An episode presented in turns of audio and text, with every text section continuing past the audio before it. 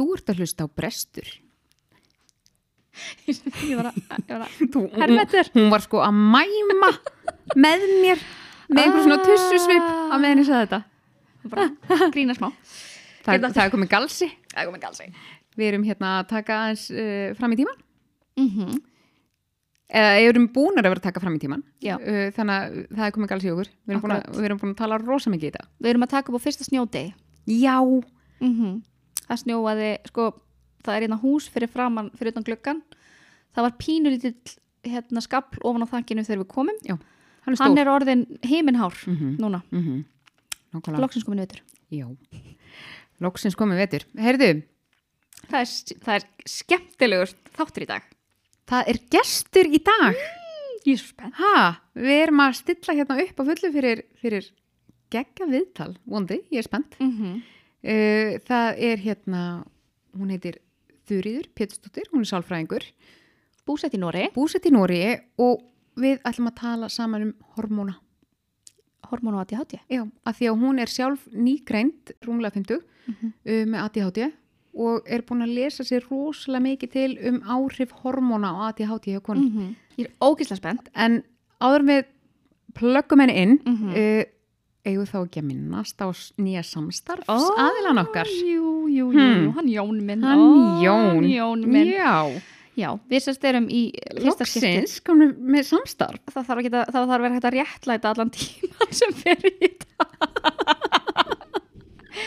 Já, við erum hérna búin að koma sérst í samstarfið 300 þjálfun á Akranesi sem er staðsett á Suðugötu 126 Já, og, og þar er hann Jónðinn. Hann, sem er íþróttafræðingur Mhm. með sína eigin uh, svona litla stöð Mhm. þar sem hann er að taka á móti einstaklingum þjálfun í hóp og stöða þjálfun líka mm -hmm.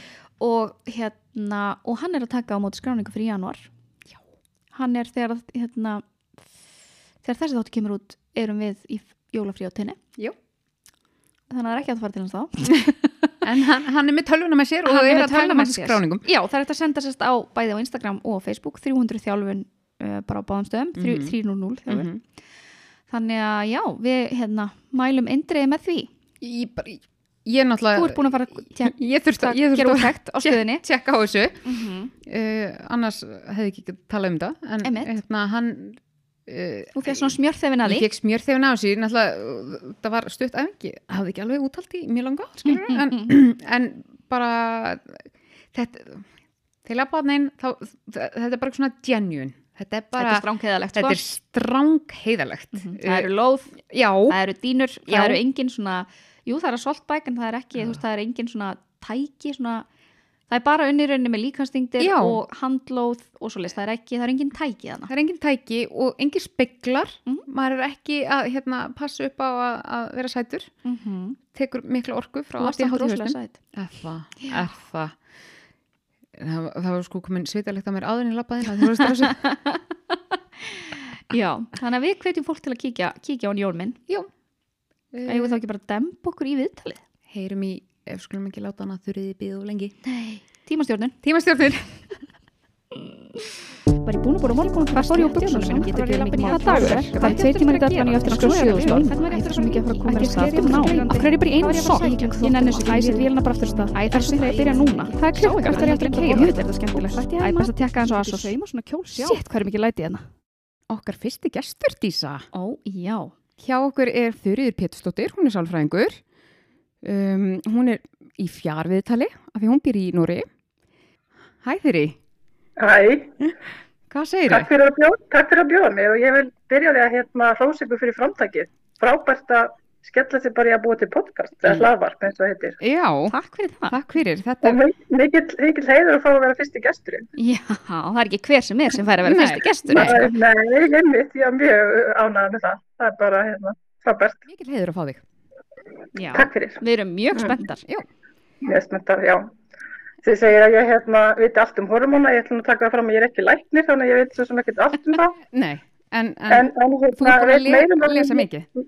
Ég er búin að lesa og hlusta á hlaðvörp og, og hérna uh, kynna mér þetta svolítið eftir að ég sjálf fekk greiningu að ég hátti. Mm hvað varstu ég er þegar þú fjast greiningu Ég, það var bara á þessu ári, sko. Ég er 53 ára. já, ok það er hérna, eins og þessi, og sálfræðingur sjálf búin að vera að vinna, við, kannski ekki mikið með greiningar og allt í háti, en oft allavega tekið svona fóratúanir og skimunarlista og fyllt út í greiningar við að hluta til og svo oft senda áfram, þannig að ég satt oft með skjólstæðinga og hugsaði bara býtu ég skora miklu herra heldur en hann eða hún á þessu bara fáralegt sko og ég fór sjálfarinn að tala um það já kannski upp á færtu fór ég að hérna vera alveg vissum að ég væri með ADHD en það vildi aldrei neitt hlusta á mig af því að ég var búin að klára háskólanám og Einmitt, sálfræðingur, já. Þá maður ekki geta verið með ADHD sko. Getur ekki verið Og hérna- en að því að ég er svo Nei. forvitin en er svona þegar þú lítur baka finnst þér þú hefur alltaf verið með einkenni? Já já, já, alltaf. En ég hérna var mjög aktív sem krakki mm. og ég náttúrulega svolítið eldri en þegar stelpur mínar. Ég var mjög svolítið fyndi að hlusta ykkur telma því að vera svo gamlar þegar þeir fengur greið þótt ykkur það, 53 já. ég var í betur. En sem krakki þá var svo mikið frelsi. Það var, þú veist, ég bjóð út á landi uh, og reynda smá í Reykjavík þegar ég var í leikskóla og svona. En flytt svo í Ísafjörð aftur þannig sem ég er þegar ég er nýjára og það var mikið frelsi, maður var nýri fjöru upp í fjalli og svo byrjaði ég snemma að ég var sund og var keppnismanniski í sundi í mörg ár. Mm og ég held að það hafi svona róað enginni, þú veist, að hérna fá, þú veist, allir þessi góði hormón sem maður fær á æfingu, þannig að Já. einmitt hefur haldið við efni svona fyrstu árin allavega. Já, já, og ég ná verið landslínu sundi síðustu árin og það er náttúrulega heilmiklar æfingar, þannig að ég var alltaf að kera á dopamin og serotonin upp. Ég held að það að fá alla þessa útráð, sko. Já. Mhm. Og svo átti ég líka frábæra foreldra sem að læriðu með mér, þú veist, ég er, við erum að tala um frá mig háskóla, sko. Já. Þannig að hérna, þau heldur mig líka alltaf efnið og, Mhm, og mamma geggjað. mikið að Mamma kendi mér alls konar námstækni sem að heitir eitthvað fínum orðin í dag en það var bara eitthvað sem að ég held að allir kynnu og hérna, til að koma sér í gegnum nám, ég meina hún las fyrir mig rítgerði þegar ég var í háskóla hún satt með mér í mentaskóla og þau pappi þú veist, Vá. þegar ég var að vá. fyrstu rítgerð og ég vissi ekkert hvernig þetta skrifa rítgerð og ég var alveg bara, þú veist, heilin í mig var ekki að ná að skipla það Nei. mann sko eftir þessu fyrsta ári í mentaskóla, fyrsta rítgerðin ég bara hvernig óskupun má ég að byrja Já. veist, og þá settist þau bara og gerðu miða og alls konar eitthvað voru kennarar eða, eða Já, þau eru bæði kennarar, pappi reyndar hefur unni ymmislegt annað líka en, en mamma hefur verið kennari var, og var alltaf kennari og, og hérna aðstofskóla stóri þannig að það, var svona bæði, bæði gott og gott sko Já. Það er fórundar sem voru kennari það hérna, þau hjálpum mig mikið en En þau fylg, fylg, vel með líka. en þau hafa verið á undan sér í samtíð fyrstu kunnu svona að, hérna á að ég háti heilan eða svona hjálpunum Já, já, og algjörlega og ég bara, þú veist þessi námstekni sem að mamma kendi mig til dæmis í, ég hefði ekki komið mér í gegnum háskólan ef ég ekki nota þetta, þú veist, með alls konar yfirstrikunatús og mm limmiða og þú veist, hérna, endurskrifa bækur, ég endurskrifaði heilu bækurnar, ég Einmitt. hérna klára einu svona fullan boka af pennum fyrir eitt prófið, mann ég. Ég, ég alveg nú tæmdi nokkra penna, þú veist, ég skrifaði svo mikið. já, bara skrifa þá allan textan aftur Já, allan, og þú veist, og svo kannski útrátt úr textanum sem ég er búin að skrifa, veist, þannig að þetta var náttúrulega rosa vinna. Alveg og bara þreföld vinna. Já. ég ætla Já, að þetta segja að þetta, þetta er svolítið meiri vinna heldur en að vera með venjulegan heila sem þú getur lesið texta og munaðan sko. Já. Já, já, algjörlega. Ég bara, og oft þegar ég var hérna, yngri var að gera svona svindl með það eins og maður gerir stundu fyrir próf, var að reyna að laumi pennaðiski, að þá kunni ég allt sem var á hann, Já. þess að ég sá hann fyrir mér. Það var bara svona mynd af honum, þannig að það hjálpaði mér þannig og þú veist, og var svona öryggi að vita, ég er þá alltaf með hann að hann. Og, að- og líka öruglega þetta hefur hæpað upp hérna eitthvað svona adrenalín spennu Já, að hérna Já, já, haldir við efni já, að vera með meðan að vera með svind með hann. Já. Já. já, já, nei, þannig að ég hérna, já, ég var mjög heppin með, með allan hennar stuðning, sko. En svo fór ég, ég byrjaði sérst í læknisfræði, einhver hluta vegna var ég búin að býta það í mig, var sérst á mála og samfélagsbreyt í mentarskóla, skilum eins og læknisfræði, smakkaði því sig. Ekkert mál að taka efnafræði bók upp á einhverjum 500 blaðsir, þú veist, ég nei. ekki séns, þú veist, en ég gafst ekkert upp, sko, hjekka með þessa önn og svo bara, hvað er ég að gera? Þetta er ekki alveg, Nei. þú veist, ég hef oft tekið svona ákvarðanir, þú veist, í gegnum tíðina, sko, það er hérna flutt og ég var um þetta þegar maður að lesa, hérna, lesa svona um, um, þú veist, hérna, að það er svo misvísandi þetta þegar við erum að greina ADHD það, er- það er svo miklu meira en bara ofvirkna aðtillisbrestur já, og þið hafa eins komið inn á þetta líka, þú veist, það er þessi hérna sjálfstjórnun og, mhm, og svona tíma, bara skipulagsstjórnun á tíma og maður, maður er svo lítið, svona, ma- ma- ma- vantar svolítið svona refleksjón, ég, er kannski ekki með íslensk árið yfir það. svona, Svona- viðbrað það Já, já og, oft, og það er oft talað mikið til dæmis í hérna, sambandi við framtíðina, þú veist að maður er ekkert að skipulegja, eða ég hef allavega ekki verið að Nei. skipulegja mörg áfram í tíman, ég er alltaf að flytja hana land og, og allt í einu er komin aðra vinnu og þú veist, ég hérna, uh, og já, það er svona, En, en það er kannski samt líka uh, það sem gerir líf allavega okkar skemmtilegt að því að við, við þurfum alltaf að vera pínu á tánum og hafa gaman. Mm, en Já. einmitt á sama tíma þá er erfiðar að vera með langtíma markmið og þurfa að fara í gegnum erfiða og leðilega kapla til að komast þangað. sko, eitt sem ég hlustaði á, eða kona sem ég hlustaði á, það er það sem er leiðilegt að gera, það, það getur fólk með ADHD bara hreinlega ekki gert. Nei, Einmitt. það er bara ekki hægt, Nei. þú veist, það er ekki að segja, það er ekki, þetta er ekki spurning um að, eins og til dæmis heilið sér enga umbunni því að setja upp fóttuvelina, Nei. akkurat. Og, og það, að það það er- einmitt eins og við hefum rætt um þe- þetta er stýrifærnin. Mhm. Já, og hún er Og það- ekki að fara að láta mann gera eitthvað sem maður er ekki að fara að fá neitt út úr hér og nú. nei, og þetta er svo skrítið og ég sé, sé fólk með ADHD skilur ekki, fólk sem er ekki með ADHD skilur ekki hvernig svona heili virka, það skilur ekki, okkur setur ekki bara upp þáttuvelina, okkur Einmitt. gerur þú veist, Það er ekki hægt að útskýra þetta fyrir fólki sem er ekki að eiga Það er þetta. hægt. Nei. Nei, og mér hefur svo oft fundist ég bara að vera lög, Já. veist, og hérna, akkur ég er heima allan daginn, ég sést ekki að vinna, við getum ekki kannski segja frá því hans eftir, Já, hvernig hérna ADHD kerði mig í kaf líka, mhm, en hérna, ég er heima allan daginn og þú veist, bara það að taka til í að, hérna, þetta er fáralegt, skilur það, Já. hérna, tók mig nýju mánuð, held ég, já, og svo gerði ég það á þrem mínútum, veist. en svo er þetta samt það- all, alltaf í, bú- var örugglega í hausnum aður í nýju mánuði. Einhver staðar á sveimi, já, Já, já, lappar fram hjá þessu krydddrasli alla daga Já. og bara, "Nei, ég þarf að gera þetta. já, og þá byrjum maður að rífa sér niður, af hverju eru svona löt, af hverju eru ekki búin að þessu. En það sem gerist þegar ég fekk hérna til hátilifin að ég gætt gert svona hluti strax það var bara allt í ég gerði þetta bara nokkra svona, nokkur svona smáadri sem að ég bara hendi mig úti og ég gerði bara um leiða mitt eftir huga ég þurfti að gera það Já. og það var svona upp, uppulifin sem að ég hafði ekki, þú veist, haft, ég bara, Einmitt. já, ég bara klára þetta Að bara. þau eru ekki að rífast við hausin á þér um, um einhvað sem þú átt að gera. Já, Mér Einmitt. fannst það nákvæmlega eins sko. Þetta er ótrúlega Já. fyndið. Það er það, það er það. En ég veist líka En með, hérna- eins og að segja með framtíðaplönin að, að, að vera ekki að Já. skipulegja, ég er sko fólk sem að segja með eitthvað svona, já ég er með svona hvernig ég sé næstu fimm ár fyrir mér, ég bara, ég skil ekki hvernig fólk getur hugsað svona langt, bara hef, og hef aldrei skilað, svona, já ég er með þess og þessi markmið, ég bara, ég veit ekki eins og hvað ég er að fara að gera á morgun, ég, ég veit að það er svona hérna, eins og segi, þess vegna hef ég, ég tjóðs að flytta til útlanda og ég hef flyttað milli sveitafélag. Ég er með svona sex ára reglu, eða þetta er ekki regla, þetta er bara svona sex ára úthald held ég. Ég, eftir, sex- ég bý á samanstæði sex ár hámar já, Mhm. og hérna það er einhvern veginn hér lítið tilbaka, þá hef ég alltaf að segja, já það er sex ár, þá er ég bara búin á því, þá vil ég eitthvað nýtt sko. já, Er ekki talað um Og að það- frumur endur nýja sig í líkamannum alltaf á, á sjö árum eru allar frí, frumur búin að endur búin nýja að sig? sig. Já, svona cirka sami tíminn bara sem þú endist. Já. En þetta er náttúrulega svolítið flókið fyrir þú veist bæði börni mín og hérna, ég hef búin að blega tvo eigimenn og er þessi stað nummið tvö, vonandi það síðasti, en, hérna, það er svona hérna, erfitt fyrir fólk sem að kannski er meira stabilt og, og hefur ekki þess að þörf fyrir að vera alltaf að gera eitthvað nýtt sko. já, að- Mhm. og, og líka sko ég, einmitt, nú er mamma mín sem þú þekkir, hún, hún, er, líka, hún er líka með ADHD. Uh, ég hætti ekki að tala hversu oft ég hefði flutt, að því ég flutti rosa mikið sem bad með henni og svo sjálf líka eftir að ég flutta heimann.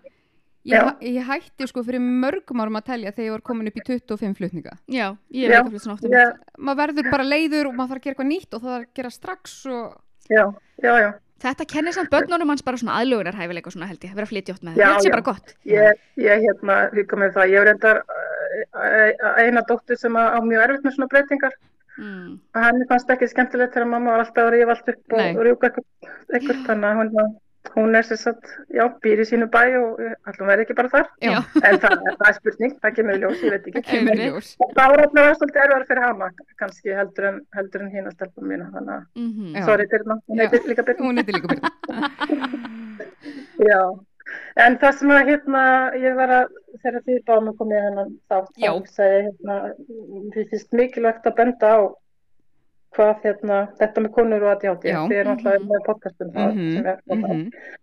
En hérna, uh, benda frábæra bók sem að Lotta Borg Skúglund skrifaði, hún er sænsku læknir, uh, ég veit að þú Birna kannski þekkir, kannastu það. Já, Já, hún er sagt frá er sagt, talar um duglega, frá duglegri stelpu til útbrendrar konu. konu, já. Já, ég hef heyrt um þessu bók. Já, ég hef, ég Já. hef lesið hana á Já, varst dönsku. þú, varst það já. þú sem varst að tala um það kannski?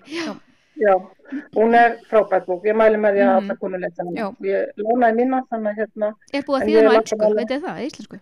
ég, nei, ég hef ekki, allavega ekki íslensku. En ekki hérna- íslensku, mögulega á önsku. En ég ætla hann Já, að það, það er allan að þetta er- rúmt ár síðan ég fann hann á dönsku. Ef hún er á dönsku, þá fer þú í þetta, Birna mína, því það hefur íslensku. Já, Ég hana bara, já. já. En það, það, hún talar svolítið mikið um hérna, þetta og ég lendi sjálf í svona burnout, Mhm. eða kulnun, eins og þeir eru búin að nefna þetta leðilega orð, Já. kulnun. Já.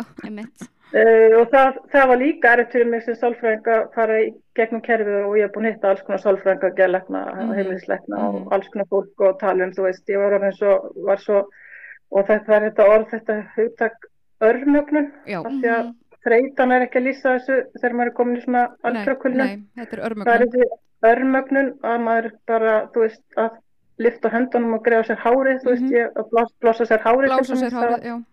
mjög erfitt bara verk skilur Mhm. og þú veist bara tyggja þá fikk ég bara verk í hálsin og ég Já. var bara búið mikið hérna já ég fekk fyrstu svona örmögnunaringinin 2011 þannig að það eru komin alveg 12 ár Mhm. Já, ok.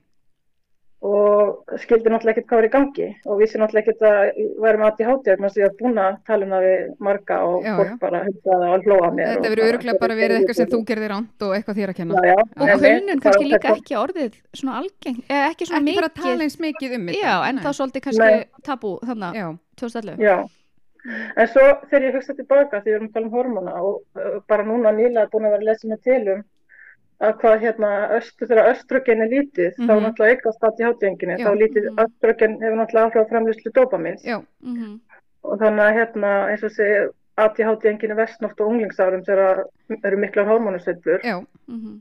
og svo breytingarskeið og ég held sjálf að ég hafa farið á breytingarskeið bara fljótlega upp á fertugur mhm, og það er annars svona tabú fyrir konu sem að er mikið hittamál það er að hérna, það er ekki hlustað á heldur þessi breytingarskeiðsenginni Nei, það er engin læknir sem að litna áhuga að ræða það sko það, Nei, eða veist, bara og- upplýsa hérna ungar konur eða stelpur um breytingskeiðu höfuð. Ég sko, Já. því Það ég, veit enginn hvað þetta er. ég heyrði í fyrsta skiptið fyrir í alveg nokkrum mánuðum síðan að maður gæti verið að byrjuð, sko, að fyrstu merki á breytingarskeiðinu séu kannski tíu ár áður en maður hætti svo á blæðingu. Já, Ég held Já. að þetta væri bara eitthvað svona stutt þetta tímabil. lækkar hægt og rólega Já. í, í, í mörg ár. sko. Ég Já. sko hafði ekki hugmynd um að þetta væri svona langt tímabil, Nei. bara, og enginn sem talar það um er- það einhvern veginn. Nei, og þeir segja lækkar kannski játt og þétt en það getur líka verið sveiflur í því þú getur verið með lítið í, tí, á, á, í ákveðin tíma og svo getur það að vera aðeins meira aftur skilst Mhm. mér eða Já. nú er bara búin eitthvað skilur Já, já, já, og örgulega Já, bara ég allur gangur á það. því. Mhm. Já, og ég hefði svo mikið viljað vita og eða bara eins og þessi hugsa tilbaka þessi 10-11 ár sem að ég gekk á milli fagfólks, ég skipt um vinnu Mhm, til að reyna að finna vinnu sem henda betur af því að ég var alltaf örmagna. Ég var oft þannig að ég bara þurfti að sofa eitt, tvo tíma eftir vinnu alla daga Mhm. og engin orka, gæti ekki hitt fólk og bara ekkert gert sko, Nei, ég meina nei. heimilistöður og það er Mhm. maðurinn minn sem að vilja sjá um það. Já. Greið, hann, uh, ég hætti með hann. Já. Þannig að hérna, en það er líka svona, eins og segi, það hérna, já, og ég hef svo mikið viljað vita að því að þegar östrogeni byrjar að falla þarna upp á færtugu, eins og ég er alveg samfærum að hafa gerst hjá mér, mhm. Mhm. þá veistna að ég háti enginin Já, og þá keiri ég mér svo mikið í kaf, ég finnst þessi haus stoppar aldrei. Mhm. og hausinn er alltaf með þessar endalösu hérna hugsanir og hugmyndir og kvartísi og þú veist, og svo þú veist, þetta hérna, þessi upplifin af sjálfum sér, veist, ég fekk svo miklu meira sjálfsmildi, þetta er sjálfsmildi, já. eftir þessu greininguna, þá Mhm. gæti ég sett orð á af hverju var ég svona, af hverju gæti ég ekki gert þetta, af hverju gerist þetta, af hverju var ég svona, ég endaði að fara, sagt, ég er núna 100% öryrski, mm -hmm. ég segi tímabundið, ég er alveg samfélagið að ég kem tilbaka aftur, mm -hmm. ég ætla að fara að vinna aftur, mm -hmm. sérstaklega eins og þessi eftir að fengja aðið hátilið, þá, þá, þá er ég að þá möguleika því, það byrsti til, en eins og þessi, ég hefði gert maður vilja að fá því fyrr, en, en ég nenni ekkert að velta mér upp á því. Betra sent en aldrei. Betra sent en aldrei, svo segi, þannig að hérna, en ég bara, eins og þessi, ég tala um hormóna og svona við dæti mínar og, og þú veist hvað ég er glöð að þær fái skýringu á þessar söpur í tíðarhingnum sem að ég hef svo gertna vilja vita þegar ég var yngri.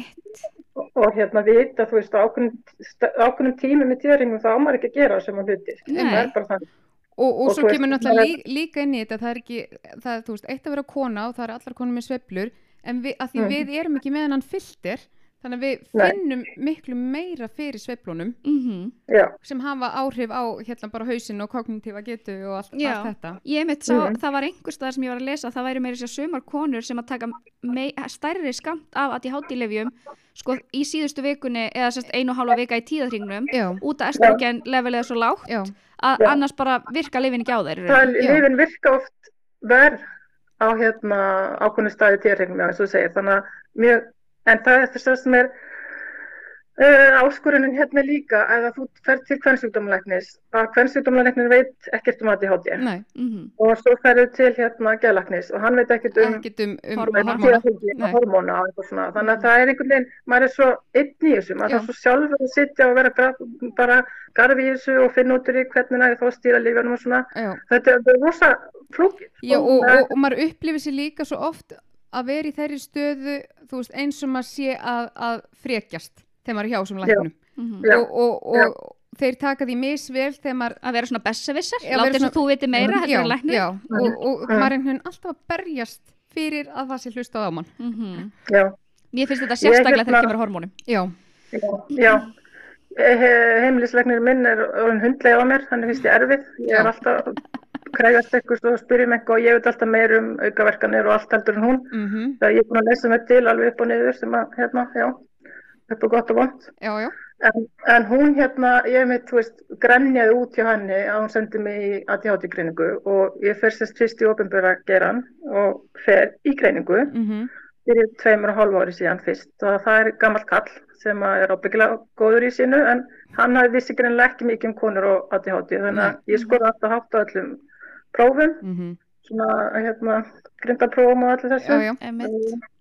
og svo hérna var ég bara búin að gera allt mikið og var alltaf dögleg og svona. Þannig að ég hann bara sagði að það veri engin merkjum það. Ég var náttúrulega átti og ég bara þá fannst mér, ég fekk alveg bara svolítið áfall þá þannig að ég var svo samfærið mér fengið greiningu. Já, þá. og þá kemur aftur, já ok, þetta er þá bara því ég er svo lutt og ég er svo ómöguleg. Ég er bara eitthvað persónleika tröflið fyrir ekki það er bara eitthvað að personleika mm. mínum eða, finnast þú loksins verið búin að fá ykkur svör eða finna ykkur svör og já. fá svo bara nei, já, nei já, en af því að ég er hérna, eins og sé, mikil keppnismanniska og ég gerst ekkit upp þannig að ég ákvað svo bara þegar vinkun mín, norsk vinkun mín fór í greiningu að ég hugsa að ég, hún fór til konu sem sjálfisálfrængur með mm. ADHD og hún hérna uh, veit mikið um konur ADHD ég ákvað bara fara prívat sem sagt, ég borgar sjálf mm -hmm. í greiningu þar og það kostar helling mm -hmm. eins og þið vitið mm -hmm. og hérna var svo fekk, hún sagði bara, ég sá það bara um leið og komst sko fyrsta tíma, ég glemti peysunum minni er í fóru eitthvað svona skilur þú bara ekki spurninga, ég sá það bara um leið mhm. og það var svo mikið lettir ég var bara í hálfgjörð svona töðafall eftir að fá þess að viðkynningu að fá þess að viðkynningu, þú veist, Já. það er það er ekki bara, ég er ekki lött og heimsk og, og passi ekki inn í og þú veist, eitthvað, mm -hmm. eitthvað göllöð heldur, er þetta eitthvað skýring það er eitthvað í heilanum sem að hérna, virkar öðruvísi á mér en öðrum þannig að, en það var ekki þrautagöngunum var ekki lókið þar því að ég fer svo til gæðlegnis í ofinbjörgageiranum hérna og hann vildi bara láta setja mér í fleiri einhvers tögafræli próf og ég átti að fara í hérna, hugan aðtillismæðferði, hérna, mm. síþreitu mm -hmm. og mhm. þetta væri eitthvað bara kvíði og það er ekkert vist þetta væri aðti háti oh. og eftir þann tíma þá var ég bara ok, uh, hvað ger ég núna Já. þannig að ég hérna er svo heppin að við höfum tök á að greiða geðlegni privat, ég sést mm -hmm. fólk privat þar líka -hmm. og það Já, ég ætla ekki að kvarta yfir kostnaði, ég veit á Íslandi ófremdar ástand í gæðlegna status, mm -hmm. það kemst bara ekki með það gæðlegni. Nei. Þó að fólk myndi, margir öruglega vilja bara borga fólku fjár.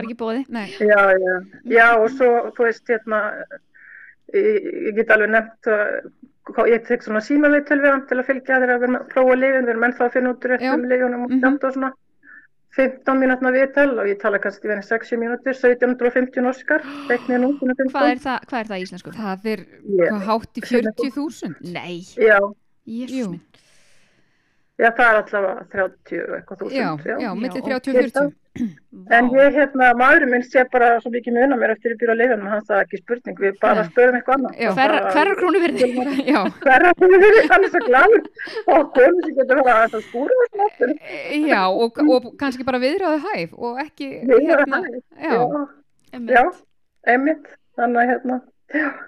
En, en, en, ég var bara að hugsa þegar þú varst að segja frá sem þegar maður er alltaf að fá, þú veist, tuskuna í andlitið og, og mm -hmm. hérna og maður fyrir að hugsa bara, já, þetta er bara ég sem er svona löt og, og umuleg mm, og bara get ekki neitt. Á, á meðan sko, svo, þegar maður veit betur þetta er í rauninni sko við, við erum svo langt frá því að vera latar að því við, við, erum, við leggjum okkur alltaf miklu meira fram. Já, ég meina þú heyrir þú þurft, hvað þú þurftir að leggja það til að komast gegnum skóla skilur þú, að heyra svo bara eitthvað, já nei þú er bara löt þetta er svo ekstra vond held ég já. að fá já. já og svo þú veist að því ég hef alltaf átt vinni og þú veist allir örglega haldi ég hef bara verið mjög svona sterk félagslega og ég var Mm -hmm. já, minna þú veist, það gekk allt vel og eins og segi, átt alltaf vingunur og svona En ég fannst ég alltaf, jú, þetta hérna eins og þið nefndið, þú veist, að vera öðruvísi mm. og þú veist, þegar ég var í mhm. sálfræðnáminu, ég fannst ég alltaf að vera heimskust og Já. ég bara skildi ekki hvað ég var að gera þarna og þeir tölum um þetta imposter syndrom, mm -hmm. ég hefði viljað skýringu úr þá, og ég fannst ég, ég, ég miskildi oft um hópum byttu um hvað er það að tala mm -hmm. Og eitthvað, ég fór í master í Danmörku í árásum og þeir, Danir eru svo mikið meira heldur en Íslandingar sem mér finnst og tala frá hjartanu. Mikið diskutera já, við þurfum að hafa sko einhverjar raunvísindalegar aðtónir og baku allt sem við segjum sko. Mm -hmm. og það var rosalega erfitt fyrir mig að skipta um gýr svona algjörlega frá því uh, eins og að kenta á Íslandi og fara út í einhverju svona umröðahópa um einhverja grein og ég var oft bara í lók tíma sem ég skildi um hvað ég voru að tala. Já. og það var náttúrulega eitthvað sent til að segja eitthvað sjálfur þannig að úrvinnslan er svo hæg. Vá, Já. ég tengi mikið með þetta. Ég hef ekki pælt í þessu en ég er mitt það var oftast eftir svona hópa sem ég var bara eitthvað já, býtu ég hefði ótt að segja þetta. Mm. ég hefði gett að koma þessu að. Já, já, já, já. Og, og ég þór aldrei að spyrja spurninga bara ekki og í háskóla sko, að því að ég var svo sein að hugsa að Ég var eflitt búin að missa umræfninu þegar ég var búin að formulera spurninguna. Mm -hmm. Sko, já, og maður þurfti náttúrulega líka alltaf að sko, prófa nokkrar útgáfur í haustnum. Já. Hvernig hljóma þetta, já. hvernig hljóma þetta og þá er klukkin farin. Ég spurði alltaf spurninga því að ég var alltaf vissum að það væri búið að tala um þetta áður. Ég hefði bara mistað af því og ég vildi ekki hljóma eins og ég væri vittlös eða ekki að hlusta. Þannig ég spurði aldrei spurninga. Nei, Nei. kannast þið það, mm -hmm. kannast þið það algjörlega. En aðeins hérna, mér langar svolítið að nefna þetta með östrogen og Já, ég hef nefnilega mikið, mikið áhuga á því. Mm -hmm. Já, vissu það að kallmenn fá meira östrogen með aldrinum? Nei. Nei, það gerist nefnilega. Meira sé að líffræðin er á mótikonum. Þannig að þeirra enginni mögulega lagast eða minka með aldrinum. Já, ég veit það er náttúrulega ekki að skrifa um, um kalla með hérna ADHD og östrogen. Nei, nei. Ef þú finnir greinu það þá bara sendið mér. En, en gerir samt östrogen ekki svipað úr dópamin fyrir líkamann? Þú veist, er ekki talað um að það oft eða að það íti undir dópamin framleyslu eða eitthvað svona? Östrogen, östrogen hefur áhrif á dópamin framleysluna. Mm -hmm, en það sem gerist með kalla þá þegar það fá meira östrogen og það er verið að umgjusamari. Er að því að östrogen er svolítið umgjuhormóni og þegar maður er, þetta meðgöngu er það mjög hátt, já, veist? Já, og það er svolítið skam, eða sérst, mér finnst svolítið skondi að hugsa hérna, ok, kallar fá meira östrogen, þeir verða ummyggjusamari, margir kallar verða sennilega betri afar en það voru pappa. Það var akkur það sem ég var að hugsa, vá hvað þetta er áhugavert. Að svona kalla kallar sem verða svo algjör í bánsar þegar þeir eru afar. Já, og svo, já, svo marga svo leiðs. Og svo eru öm, ömmurnar alveg hérna útkerðar og, og hérna stressaðar og, og farnar að setja smá viski í, í kaffibótlan og Já, já, en þú veist, þá konur er með 40-50 ára, það eru náttúrulega þá með minna östrogen, minna umhyggja, mm -hmm. þá mhm. fara það að hugsa með henni sjálfa sig. Já, emitt. Og Vá, fara í er pílagrinsferðir og Mhm. fara í pílagrinsferðir Já. og hérna, þú veist, og svo skilja þær og þá skilja þær eftir sko hann bangsa sem er hann svo umvíksamur og hann skilur ekki neitt sko, konan er bara farin hún er bara farin að hérna, þetta hérna og, og, og hann, hann góði bánsapappi og, og enginn skilur hverju að að konan fór frá svona góða manni Vá, hvað þetta er áhugavert.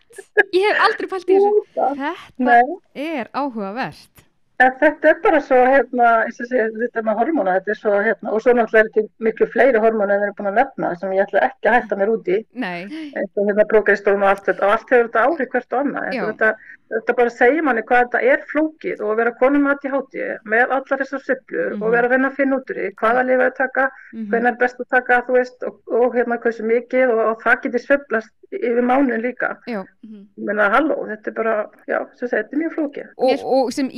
og, og sko þe- þetta ítir ennþá meira undir allt það sem við erum að díla við að, að veit ekki sko hvernig mér líður eftir klukkutíma. Hva, Mhm. og, og, og þetta er bara þetta er svo mikið salt í sárin. Já, Já. mér finnst líka að sko, mér, mér finnst ég alveg nokkur sem hafa verið að leita til heimilisleiknis út af bara alls konar. Og þetta er alltaf eitthvað svona, já það er svo erfitt að rannsaka þetta út af hormónum hjá konum og það, það spilar inn í svo margt og það er svo erfitt að segja til um hvað eru hormónur og og ég fæ alltaf svona ok, en þú veist, þetta er helmingur fólks á jörðin að díla við þetta, Mhm. hvernig er enginn búin að vera að stútir þetta meira? Já, ekki einu sinni allar þessar konur sem eru lagnar af þessar þræðum. þannig að hérna en það, það er að breytast sko, ég held að þetta, það eru miklu meiri hérna áherslu á þetta að Já, ég vona Það það. og við hefum einmitt líka séð aukna umræðu um breytingaskeið bara núna, mér langar bara að segja bara á þessu ári. Já, já, já, ég ætla að læra alls konar breytingaskjóð þessu Já, já, En mér fannst bara enginn tala um þetta, þú veist, og líka, einmitt, bara svona alls konar kvillar, uh, hérna, þú veist, ég veit um tvær konur núna sem að hafa farið, sem eru einmitt, þú veist, hvað, allavega á milli 40 og 50, sem Mm. að uppliðu bara allt í einu, bara þær töpuðu eiginlega bara lífsgleðinni. Já. Konur sem Já. hafa alltaf verið bara Já. eins og miljón manns, ógislega gaman, og voru eiginlega bara hættar en enn að fara fram úr á mótnana. Og, já, og voru búin að fara á milli lækna, ekkert gert og svo loksins var einhver vinkona að tala um þetta mhm, og þá vissu þær hvað þær átt að byggja um hérna kvennsjúkdómalegni já, fengu ykkur hormóna og þær bara endurheimtu bara 700% af lífsgæðum sínum Já. sko. já, já.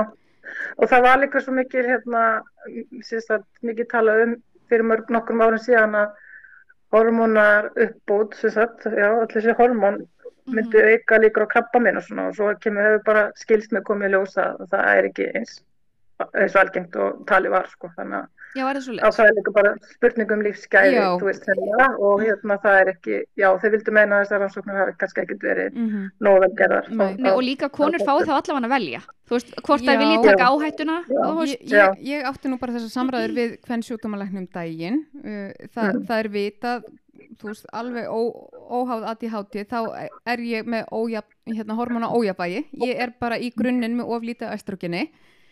Sem útskýri kannski líka stöðuna að ég hátiðinu emitt uh, og ég þurfti einmitt svolítið að því að ég sérst gerði tilraun núna fyrir þessu ári að prófa að hætta á pillunni sem er náttúrulega bara estrogenið mm ég Mm. hef aldrei verið jafn slæm af ADHD-inu, bara hausinn út um allt. Út um allt. Mhm. og einmitt fann bara einmitt miklu erfiðara að sækja dópamínið. All, allt var Mm. bara þingra og erfiðara og, og náttúrulega líka bara illt í liðum og mm það, það verður Mm. all, allt erfitt og Já. ég, ég þurfti svolítið að berjast með kjafti og klóm a, a, hérna, til að prófa að fá uppáskrifað hérna hormón -hmm. Mm. uh, að því að það var einmitt og, og þetta var ungu læknir, það var einmitt þetta með við vitum ekki hérna langtíma áhrifin og en þá er þetta einmitt bara þú veist, þetta er Leyfðu eitthvað sem búið að, að vera- búið að hrjá mig bara mest allt mitt líf Mm. Einmitt. þú veist, hvort er, hvort er betra Mm algjörlega, hvort er betra. Já. og það er eins og segja að maður hefur það bara var maður hefur bara velur Já, að taka og maður tekur það bara með þetta ákvörðun og allána til að prófa til að sjá, er þetta kannski -hmm. og, og, þá, og þá einmitt, ef maður vill þá ekki vera að taka lif get, get Já. ég bætt þetta með einhverjum öðrum hætti og En ég er öfug sko, ég bæði prófaði sérst að vera á pillunni og á hérna hormónalykkjunni mm, og ef ég, ég, það bara, ég verð svo flött þegar ég er á einhvers konar hormóna getnaverna, ég bara gafst upp á því sko. Þannig þetta er svo misjátt hvernig það verður áhrif. Já, ég þóldi aldrei neina getnavarnir, ekki neitt, enga lykkjur og hormónlykkjur, prófa allt og allar pillur sem til var, það fór alltaf og ég man ekki öfugt. alveg aftur að mér bara leið illa, ég var örg og pyrruð og fór með mig, einhvern sko. á mjög illa í mig sko, þannig að það, Mhm. það virkaði ekki, Þetta er svo misjátt. ekki þetta, þetta, er mjög náttúrulega já, þetta er það. Þetta er mjög merkilegt. Þegar að konur sem sagt með hérna estró, að því að segja að estrogen hækkar í kallmennum og mingar hjá uh, Konum. Mm, mm, að þetta þýðir þá í rauninni að þegar að konur byrja á breytingarskeiðinu að það væri ef að þær myndu fá staðfest að þær væri byrjaðar á einhvers konar Mhm. að vera lækna estrogeni að þá þyrfti í rauninni að hækka ADHD skamtið þeirra, lifin þeirra já, eða Ég þær fái, halda það, já. eða þær fái einhvers konar hormóna já, estrogen, Já. að það var læknir að svara þessu, en ég, já, ég myndi halda það, sko. það myndi meika að kosti. en, en, en þetta getur kannski líka tengst í uh, ma maður er að heyra miklu meira um konur núna á 40 og 50 aldri og einmitt 60 aldri sem er að fá greiningu Mm. að, því að, að því að sem kemur kannski líka út frá bara mikil andleg hérna uh, bara streyta Mm. að því að þá eru hérna þessi ADHD enginni að íkja svo mikið eða Já, verða miklu hérna ljósari En ætli þetta útsker ekki líka bara risastórun hóp af konum sem er að fara í kulnun á milli 40 og Jú. 50 Já. ég, ekki, ekki spurning, og ég segi sjálf, ég var að vinna með fullarnu fólki þegar ég flyttið til Noregs, hérna upp úr færtugu, og ég sjálf alveg pottitt ekki séð nokkra konur sem hafa klárlega verið mati áti og hérna, ég bara hugsa tilbaka, ég er örgla, örgla bara hérna átt fram að því, Já. ekki bara átt að máli, sko, það var, það var engin umræða á það sem ég voru að vinna á svona göngudeld um, þú veist, konur háti. Það Nei. var, jú, það var eitt læknir sem var svolítið upptekinn af því og ég var svona pínu, já, eitthvað neina, en þú er ég hugsað tilbaka, þá hef ég eftir að hlusta meira á hana. já, þess já, að Mhm. Það var mikið vitið því sem hún var að gera og ég sé bara hvernig ég kerði mig í kaf, sko, hvernig ADHD hjálpaði mér að kera mig í kaf líka, það var ekki bara hormónar. nei Einmitt. Heldur, heldur sko byrja ég í vinnu og ég byrja í nýju landi, ég kunni ekki norsku, ég kunni dönsku mjög vel, en ég þurfti bara að henda mér út í það að vinna sem stálfræðingur á einhverju bablandi, einhverju skandinavisku sko, eða blandinavisku, það er kallað, Syng, syngjandi í vinnunni. Syngjandi í vinnunni, reyndi bara að syngja íslenskunni svolítið, þú veist, hérna, og allir skildi mig bara, ó, þú tala svo fína norsku, ég bara var ekki að tala norsku, sko, en, en þú veist, ég meina, þetta segir líka, þú veist, að hoppa út í eitthvað svona, Já. bara flutti með aðra stelpunum mína um meðan vetur í, hérna, og svo byrjaði ég náttúrulega í vinnu, ég hafði ekki dunnið mikið með fullorðnum, ég vann mikið með börnum. Og ég fætlan að gera nú svona á Íslandi áður en ég flytt út, en Mhm. ég langaði að vinna með fullorðnum og þá Mhm. þurfti ég náttúrulega að lesa mér til og ég las náttúrulega þúsund bækur og, og svist, sök, ég sökti mér alltaf á kafi allt þegar ég var byrja nýri vinnu, Mhm, þú veist, og ég þurfti svo að vita allt vegna að þetta, hérna, alltaf hættum að það myndi koma að stæði að ég væri bara feik, sko, Já. ég væri ekkert sálfræðingur. hvað væri nú ekkert- Þannig að svo hérna, og svo sé bara, svo held ég mér alltaf þegar ég skipt, ég skipt nokkur sem er vinni í Nóri og heima líka. og alltaf að ganga allar orkubyrðar Já, já, já, og heldur mér á kaf og þarf að vita allt og kunna allt og hérna vera sérfrængur öllu bara á einni viku, sko. Og þá er dopamin á fullu, það er rosa gaman Já. og hérna, og orkan, þú veist, þá er orku mikil Mhm. og svo bara klessja vegg, Já. þá er ég bara búin að tæma mig já, í einhverjum hýpufókus, danslusum hýpufókus í Já. einhverja viku mhm. Og svo bara, þá bara kless maður á veggin. já og, og missir ég hérna- vel líka áhugan á öllu sem eru búin að vera að lesa sér til um. Já, já, bara- þá var ég búin að, búin að lesa mig til um það, vissi já, og það var mjög spennandi lengur, þá, þá, þá fikk ég lengur dopamin sko þegar ég var að lesa um þetta. Og, og opboslega leið fljótt, þú veist, að vera að skrifa sömu skýrslunar aftur og aftur Já. og eitthvað svona, skilur, þú veist, þannig að það var ekki hérna, ekki alveg að virka. Og Nei. Já, ég byrjaði til dæmis vinna í batnavend, mjög erfið, mjög erfið starf, erfasta starf sem ég unni. Mhm, Mhm. Ég veit ekki hvernig mér datt í hug, eða, þú veist, búin að vera mikið í veikindaleifi og með örmögnun og eitthvað svona, hvernig mér datt í hug að allt í nú var ég bara komin í vinnu sem sálfrængur að metta mununarhæfni fóreldra, skiljið. Þú hugsaðir ég get gert þetta aðeins erfiðara fyrir sjálf mig og ég ætla að prófa það Og ég var bara ekki að hugsa eitthvað í satum og bara, hvað er ég búin að gera núna þurrið? Það er bara, hvað ertu búin að gera? Þú veist, ég bara á svona moment, mjög oft bara, þú veist. er bara, og, var og maður er líka henni bara allt í henni komin í aðstæðunar maður mann ekkert hvað gerðist undan bara, Nei, nei, ég var Hvert til er dæmis ég allt í einu komin? ég var allt í henni komin til Noregs um hávetur. Ég er enda elti mömmu þína. já, það var henni já, að kenna þetta er því, henni að sko. kenna Það er henni að kenna, eða þakka, þú veist, það er þessi þrjú og ég er menn þá, 13 árið setna. já, bara fö- först með einhvern mann og Já, já, báðar með ADHD og báðar allir bara komna til Noregs í eitthvað, eitthvað skrifna vinnur, sko, Já. Ég er að hugsa að það ætti að vera einhvers konar svona eins og skiptubókamarkaður nema atvinnumarkaður fyrir fólk með ADHD já, ertu að til það geti vinnu? stokkið á milli svona svo fólk fá aldrei leið já, eða, Já, eða jafnvel bara einmitt. eða jafnvel húsaskipti að fólk geti bara alltaf verið Já, að svissa á Já. milli Já. Þetta er góð hugmynd. Það fara engin leið. Sko, stelpur mína, það eru sex ára næsta ári. Hvar ætlið þú verðir næst þegar þú kemur í við? Það eru, eru sex ára síðan ég flutti. Ég, ég stáði að flytja líka, ég bjóð fyrst í Arendar þegar ég flyttið til Núres. Og svo var náttúrulega allir og held að lífið myndi vera betra upp í fjöllum, þannig að við flytjum til Trísjöl, sem er kaldast einna köldustu stöðum, allavega Suðurlandsins. En óbúrslega fallegur staður. Óbúrslega fallegur staður og, hérna, og bara búið að vera fínt og, og, og hérna, já, en uh, núna sitt ég alltaf bara eini og flottu húsi og bara, já, hvað er að gera núna, ekki vinnu. Og hvað nú? Uh, hvað nú, þannig að það eru næsta ári, það eru, já, ég var svo hættin að hitta ansið góða markþjálfa sem að ítta eins við mér líka. Já. Mm. Hún heiti Birna, við kannast kannski við hana. Við kannast við hana. Vá, hún hljómar eins og hún sé svolítið kunnulega, þetta hljómar kunnulega allavega. Já, eitthvað svolítið, þannig að það var svona, þá var ég myndi í starthólunum að stipleika þannig að það verða breytingar næsta ári. Já. Ég ætla ekki að segja meira það. En, en þú, þú varst farin að finna fyrir svona sex ára kvíða. Já, Já. ég bara, en ég fatt alltinu bara mitt þetta ár fyrst að byrja fimm ár. Já. Sex ár næsta ári, ég þarf að fara að flytja. Hvert á ég að flytja? Þú verður að glá Bali næstur við tökum við Já, það er búið að vera svo kallt hérna núna, 23 steg á frostamótnana og svona, þannig að Jésús minn. Já, ég er allavega, já, ætla að vera ekki bara, já, Bali. Já. Já. Þá, þá hugsa ég nú að við gerum okkur ferð til þín til að taka Já. viðtal. Þá Já. verður ekki Já, fjarviðtal. Þá verður vinnuferð. Þá við, já. Velkomnar. Í heimsók, sko. En það er, það er ein spurning sem er dætt í hug á, Mhm. áður en við hérna ljúkum þessu. Mm. Fannst þér þú ekki fá, hérna, að því nú ertu hérna sálfræðingur með mikla reynslu sem, sem slíkur, fannst þér ekki verið tekið meira marka þér þegar þú varst að leita til allar þessa hérna, fagaðila? Nei, að þetta móti. Það hefði kannski bara öfug, öfug áhrif. Þú, Já, þú ættir nú það að vita betur kannski. Þetta var meira svona, þú veist, hérna eftir að grænja þig, allar grænja þig gegn þetta, skiljum. Já, já, já. Svona eins og Það er ótrúlega Já. í, í að komast í gegnum eitthvað. Já, og þú veist eins og er oft talað um að læknar í námi þeir greina sem alla sjúkdóma og sálfræðingarna Já. svona gegnum og eitthvað. Já, þú veist bara orðin- um eitthvað klikkuð. Já, ég er bara orðin svo ofurfókusur á þetta, sko, að hérna... Kannski það- með hyperfókus á þetta. Já, Já, einmitt, þetta veist. Já, þannig að það var eiginlega verra að vera sálfræðingur. já, Mhm. og oft líka erfitt, þú veist, þegar ég var að fara til sálfrænga sjálf, þú veist, og ég, hérna, ég var alltaf búin að taka stjórnina, þú veist, á öllu, mhm.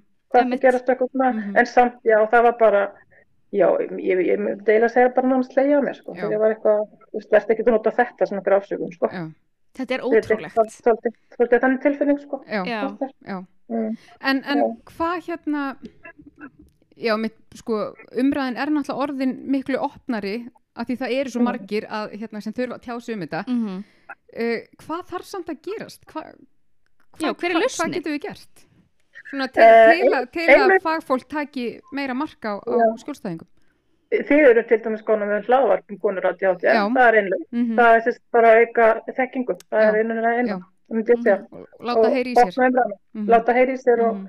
og eins og ég segja þess vegna vildi ég líka segja mína sögu hvað það tók langan tíma fyrir mig að fá greiningu þó ég hafi verið sálfrængur, þrátt fyrir það að vera sálfrængur Já. sjálf sko. Já, Þannig að hérna, að bara að segja hvað það er, hvað þetta er lengt ganga sko, að það er ekkit, mér finnst þetta líka Já. svo áhugavert að því, að því að við erum einmitt svo ofta að tala um hérna, af hverju eru gleymast konur svona mikið og stelpur Mhm. já, uh, og hafa aldrei fengið þessa greiningu og ég meina, nú er bæði þú og mamma mín, þið hafi Mm. gengið sko í gegnum sálfræði nám báðar með Mm. bullandi ADHD og verið að læra þessa hluti sem sýnir hversu rosalega mikil skekkja hefur bara verið í þekkingu með ADHD Mhm. mm.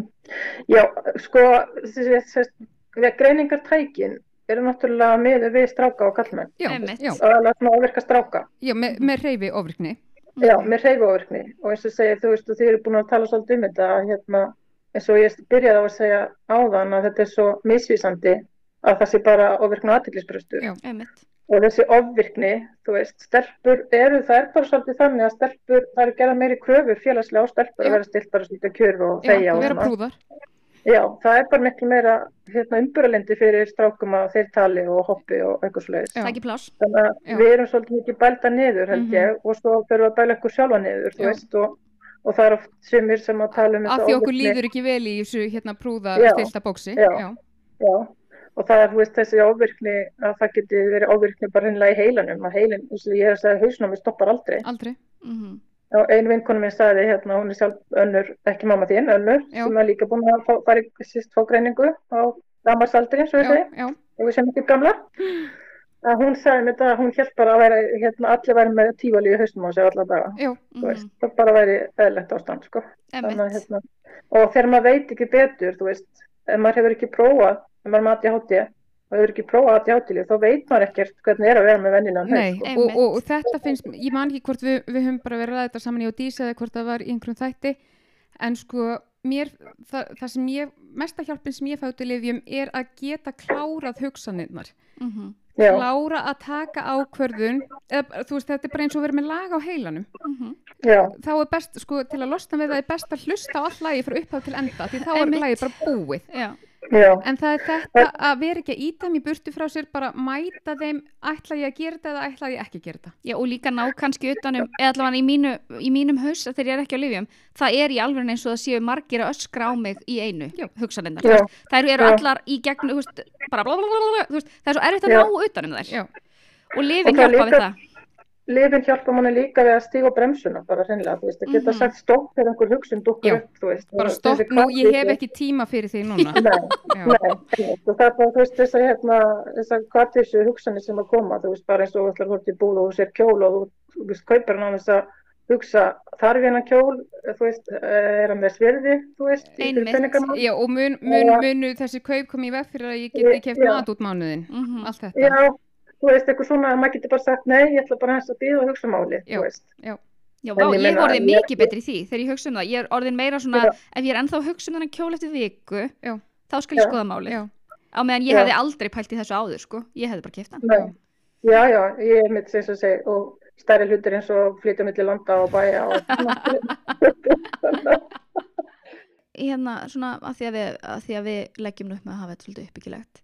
Hvað heldur þú að séu svona styrkleika þínu sem sálfræðingur, veist, hvaða styrkleika heldur að ADHD gefið þér sem sálfræðingur? Uh, ég held að það getur mér, þegar ég veit að þið hafa talað um þetta áður, þetta með að maður er svo næmur annað fólk Mm -hmm. Mhm. og ég er mjög fljót að tjúna mig inn á skjólstæðinga, þú veist. Spe, Ég, hérna, spekla veit orkuna Já, ég veit alveg hvernig þessi vill láta tala við sig og ég veit hvernig náttúrulega að ná fram einhverju góðu með þennan og þú veist, Einmitt. Að ég er mjög fljót að ná því en það kostar mig líka mikið. Já. Og sumt fólk getur hreinlega tæmt mann sko, það er bara sem, sem eru taka meir orkun aðrir. Já, og ég, það hefur verið mitt, ég oft nota tekið upp í svona handlisli hjá öðrum sálfræðingum sjálf sko, að ég hef verið með nóga filter, Já. ég getna næ ekki að filtra út og ég tek allt á mig og svo fyrir heima er bara búin á því já Mhm. og, og, þannig að styrkleikar og veikleikar getur maður eiginlega sagt Já, en ég er já. alltaf góð sálfræðingur fyrir þetta fólk vegna þess að ég, já, ég er svo flikka segi ég sjálf að Já. hérna, finna bara hvers, hvernig nálgast ég þetta verkefni með þessum já. Já, þetta er kannski gott fyrir skjólstæðingana en erfiðara fyrir þig.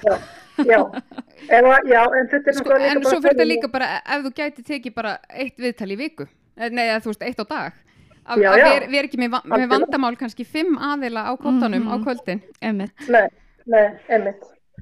Nei, þannig að hérna, já, ég held að sé svolítið kannski það, sko. En, Mhm. en ég hefði gert að vilja vita, ég gert að vilja vita á meðan ég var að vinna að ég hefði væri mati á hóti, það þá hefði ég kannski verið auðvöldar að gera sér grein fyrir því hvað ég var að gera þegar ég var að tæma mig. Já, og, og hérna að einmitt átta þig á, á þegar þetta er orðið vandi, bara núna þarf ég aðeins að Mhm. hérna, Ég held þú Já. komið bara tvíald tilbaka þegar þú byrjar aftur að vinna sem sálfræðingur. Já, ég á hugsa bara, ég, Mm já, þarna á Bali, þá ætti ég bara að vinna með konur með ADHD og hérna kulnum. Já. Guð, þetta hljómar svo draumast að bara í fjár, á fjárfundum að því að þú verður út á Bali að drekka koktela. Það er svona, já. En Æ, talandi um hérna þetta svona hvað er jákvæmt og svona, þá er ég með hérna smá tips Já. til ykkur. Þið er alltaf með hérna bæði ráðvíkunar og, og hérna nenni mér ekki. Já. Akkurat. Ég mæli með að ég hef líka stoltvíkunar. já, Já. Þannig að þegar mann tekst að yfirstíga einhver aðtíðháttengin eða stoppa sjálfan sig ykkur sem að maður hefði áður brustast áfram með. Ah. Þá því ég er búin að hugsa sko, ég er að mikið Já. og ég, var, sagt, ég er alltaf með mörg verkefni í gangi einu Mhm. og mér er svo gaman að byrja á verkefni, mér finnst ekki eins gaman að klára. nei, Þannig að ég reyndi að setja mér svona reglu, bara þrjú verkefni einu og svo náði ég sérst að stoppa mig, ég var hálfnum með vettlinga. Annað, sérst, ráðvíkunar, það er átti á prjónar, leðilegt að gera setni vettlingin, eða setni sokkum, prjónar báði einu. Já, ertu með Magic Loop? Nei. Ég, gera báði einu? Já, já, já, þú ert bara með þá, já. Þú ert að setja prjónum og svo prjónar báði einu. Svo sk hérna... skiptir bara milli. Ok, já, þetta er eitthvað sem ég þarf að gera.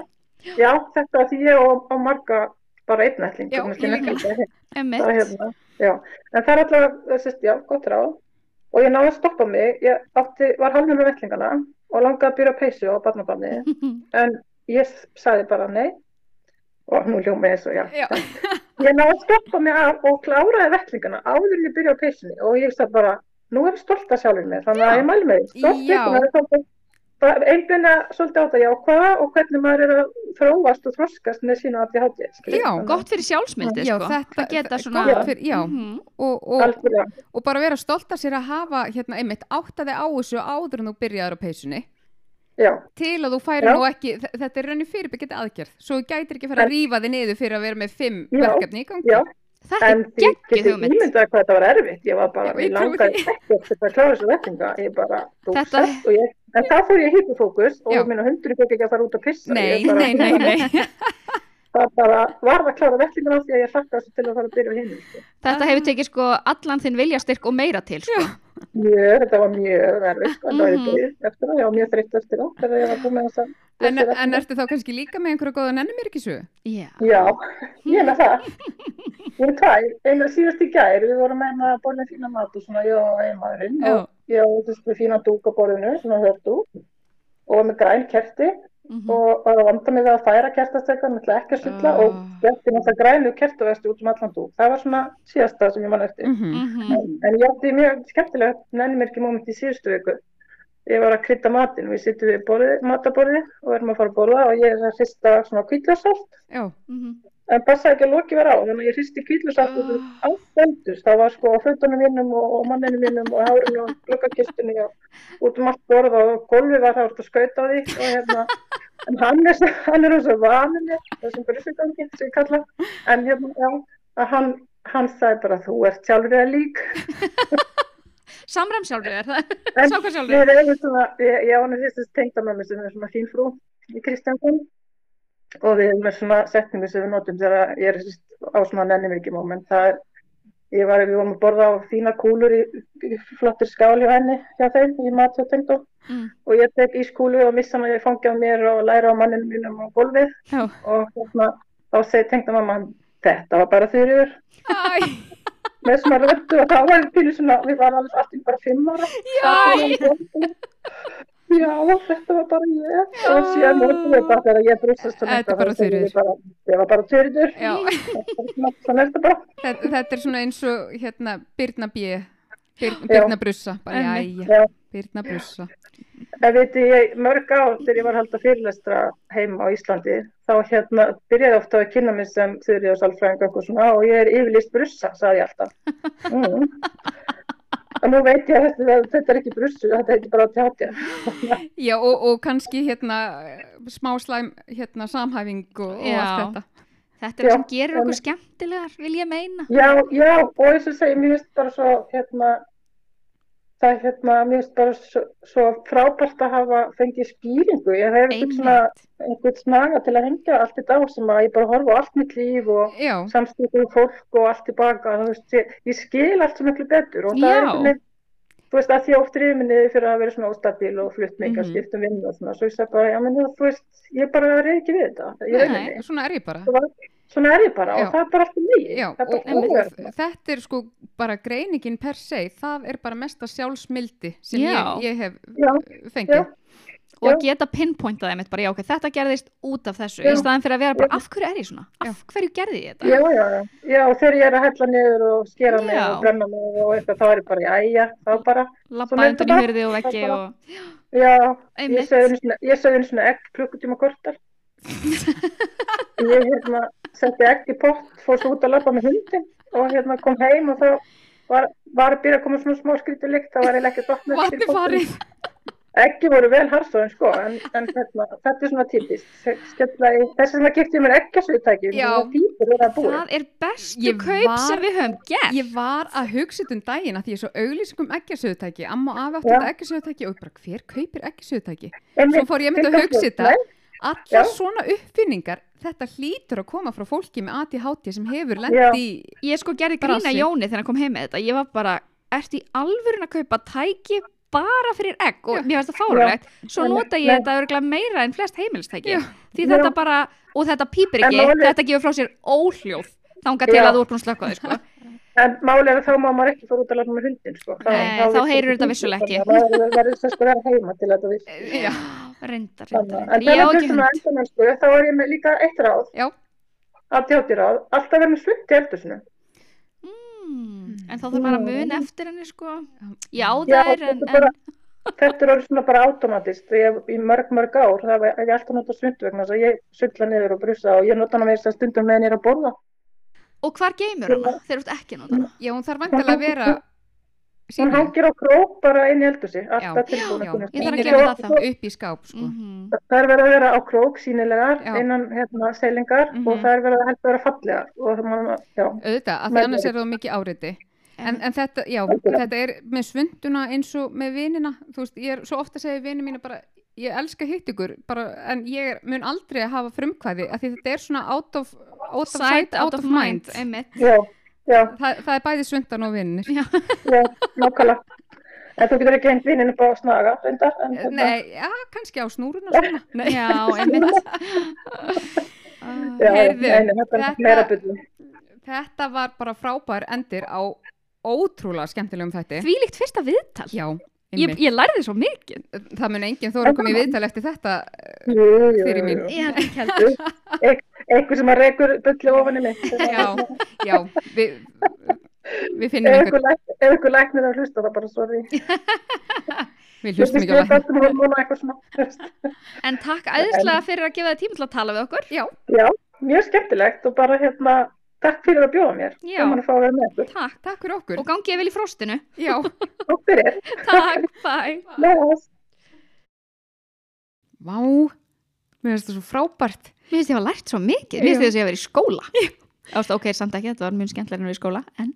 Mér fannst líka, það var svo gott þegar hún skauta á okkur, hérna, þið er alltaf að tala um hvað þeir voru gamlar þegar við fengum greiningu. Æ, við ætlum að, að grjótalda kæfti. Já, já. En, Vá, en hún er líka bara svo skemmtileg. Ég veit, hún er ógislega skemmtileg. Mm -hmm.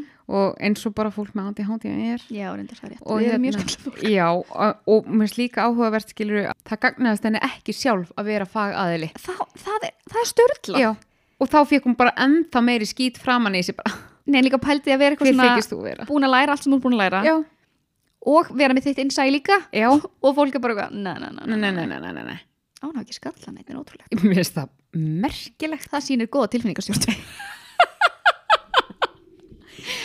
en svo er líka bara þú veist, einmitt eins og við hefum svo mikið verið að tala um hérna, maður finnur svo alltaf leiðir. Mm -hmm. þú veist, án þess að vita maður sem er aðtíð maður retta sér, maður retta sér, maður komið krókaleiðir til að lifa af í gegnum allt. Mm -hmm. og mér þegar hún voru að lýsa hérna hvernig hún komst ekki um ná oh hún, bara, hún ágreinlega bara geggjaða fóreldra þetta er rosalegt sko. sem bara, þú veist, stóðu við liðinu og hjálpunni gegnum allt. Mm -hmm. þetta er sér, ég var einmitt, ég var, og sérstaklega sko, þú veist, þetta er hvernar, hún er fætt 69, Jó. þannig að þau hafi verið meðvituð um þetta þá, af því að þá var rosa mikið held ég bara svona, þú var bara að redda þér. Bara sestu niður og lærðu. Einmitt, steinið þegiðu einmitt, þetta er geggja sko. hérna, og, og líka bara eitthvað sem vantar oft í skólakerfi hérna líka bara, þú veist, fólk er með misjafna þarfir og, og, mm -hmm. og mæta fólki þú veist, eða bönnum eins og það er Já, ég er sko líka, ég er svo, ég, þetta með með estrogenið í kallmönnum sem er hækkandi. Ég er svo mind blown ég og eftir, ég og eftir, með, ég, ég og eftir úrvinnslan hjá mér er ekki, ekki búin. nei. nei, ég er að hugsa bara með þú veist, að, að því að það ekki eru einhvern kallmann sem hefur ekki verið mjúkari með árunum? Nei, nei, nei. þú er líka ósangjan, skilur þú veist, það eru konurnar sem eru kannski á meðan þeir eru einhverju testó, hérna, ekki eins mjúkir allavega. Þegar öll ábyrðin er til staðar. þegar öll ábyrðin er til staðar. Og svo hérna svo þegar ábyrðin er farin, þá fá þeir að vera mýkri Já, og, við verðum harðari og, já, og þá lítið það illa út fyrir konar sem stóði vatnum allan tíman hvað það er nú orðnar mikla hérna, sjálf hvervar tussur? Nei, sem við erum sem, já, erum, sem við erum en mér, líka, mér fannst svo mikil sko, þegar ég áttaði mig á því sko, að vera kallmaður að þú ert ekkert basically, það eru engar hormónasveiflur um mánuðin Nei. þá fekk ég bara svona ég var, ég var svona reið. Já, ég er mjög reyð. Að bara svona hugsa, Þú, pældu þú í ert því bara alltaf jafnvægi. já, pældu í því á meðan að við þurfum að fara allan fokking ringin í einu mánuði Já, já. að, Og alltaf aðlaga, aðlaga okkur, bara á hverjum einasta degi. einmitt Að þú veist ekki þegar ég vakna, verð í brjáljúskapinu, þarf ég að sena mig niður. en Eða- mér fannst eftir ég fór að trakka tíðningin á mér finnst mér þetta aðeins auðvildra að því ég er, svona, er pínu svona, já ok, ég er bara þarna Mhm. Þú veist, ég er bara á þessum staði tíðring og ég get ekki unni gegn því. Ég er miður. ég er náttúrulega ekki með tíðurring til að trakka. Ég veit ekki, Nei. þú veist, það líð og, og bara margir mánuður á milli og oh my hvað? Stanna ég. Þetta er gott, þetta er rússipanni. Þetta er góður úsipann, þetta er gott mixin í allt oh.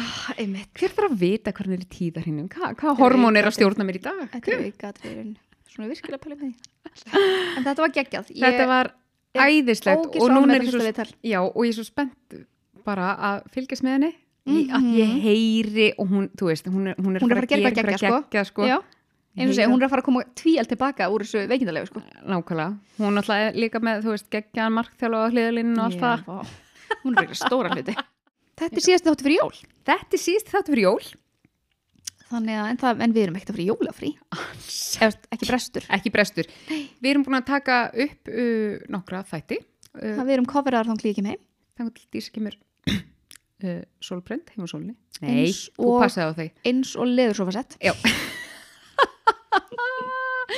og smá hérna skorpulifur og allt það. já, örlittla Já, þannig að brestur fyrir ekki frí. nei, við segjum bara gleðli jól Gleðli jól og njótiði. Gleðli en ég sakna þín Ég veit það. Við höfum ekki verið aðskildar svona lengi síðan við kynntumst í þriðaskipti. ég meðan þú fórst í London í þrjáta og ég var með frákvæðsengina. Ég, ég þorði alltaf að byrja að tala við áttur, sko. Ég veit að þetta var svona, þetta var svona sviðskrekkur. Hæ, hæ, mannst eftir mér. Ég með þeir í hlaðvarpi. Out of sight, out of mind. já, guð, ég fer, þú kannski minnum á að ég sé með hlaðvarpi þegar ekki með heim. Gleðilegt nýtt ár, þú kannski Alltaf að treysta mig. hefur í huga. En við þurfum að viðhalda svona. Hérna, við þurfum náttúrulega, við erum komin styrtaræðala, hérna, hérna bakhjarlinn hlýtur að peki okkur, hvað segið þið? Er, er þessi auglýsing sem ég er búin að borga ykkur fyrir, er, er hún eitthvað frá þetta inn eða? Og ég er að fara að taka helvitis bakhjalli með mér út. Hann er að fara að halda mér á hreyfingu, alla, allt fríið sko. Oh boy, Mm, það er aldrei frí á mér. Oh boy. Já. En gleðileg jól, kæri hlustur, kærar þakkir Fyrir hlustun. fyrir allt, bara það er okkar jólugjöfjár. Já, ég sammála. Yes. Takk fyrir okkur. Takk fyrir okkur, bye.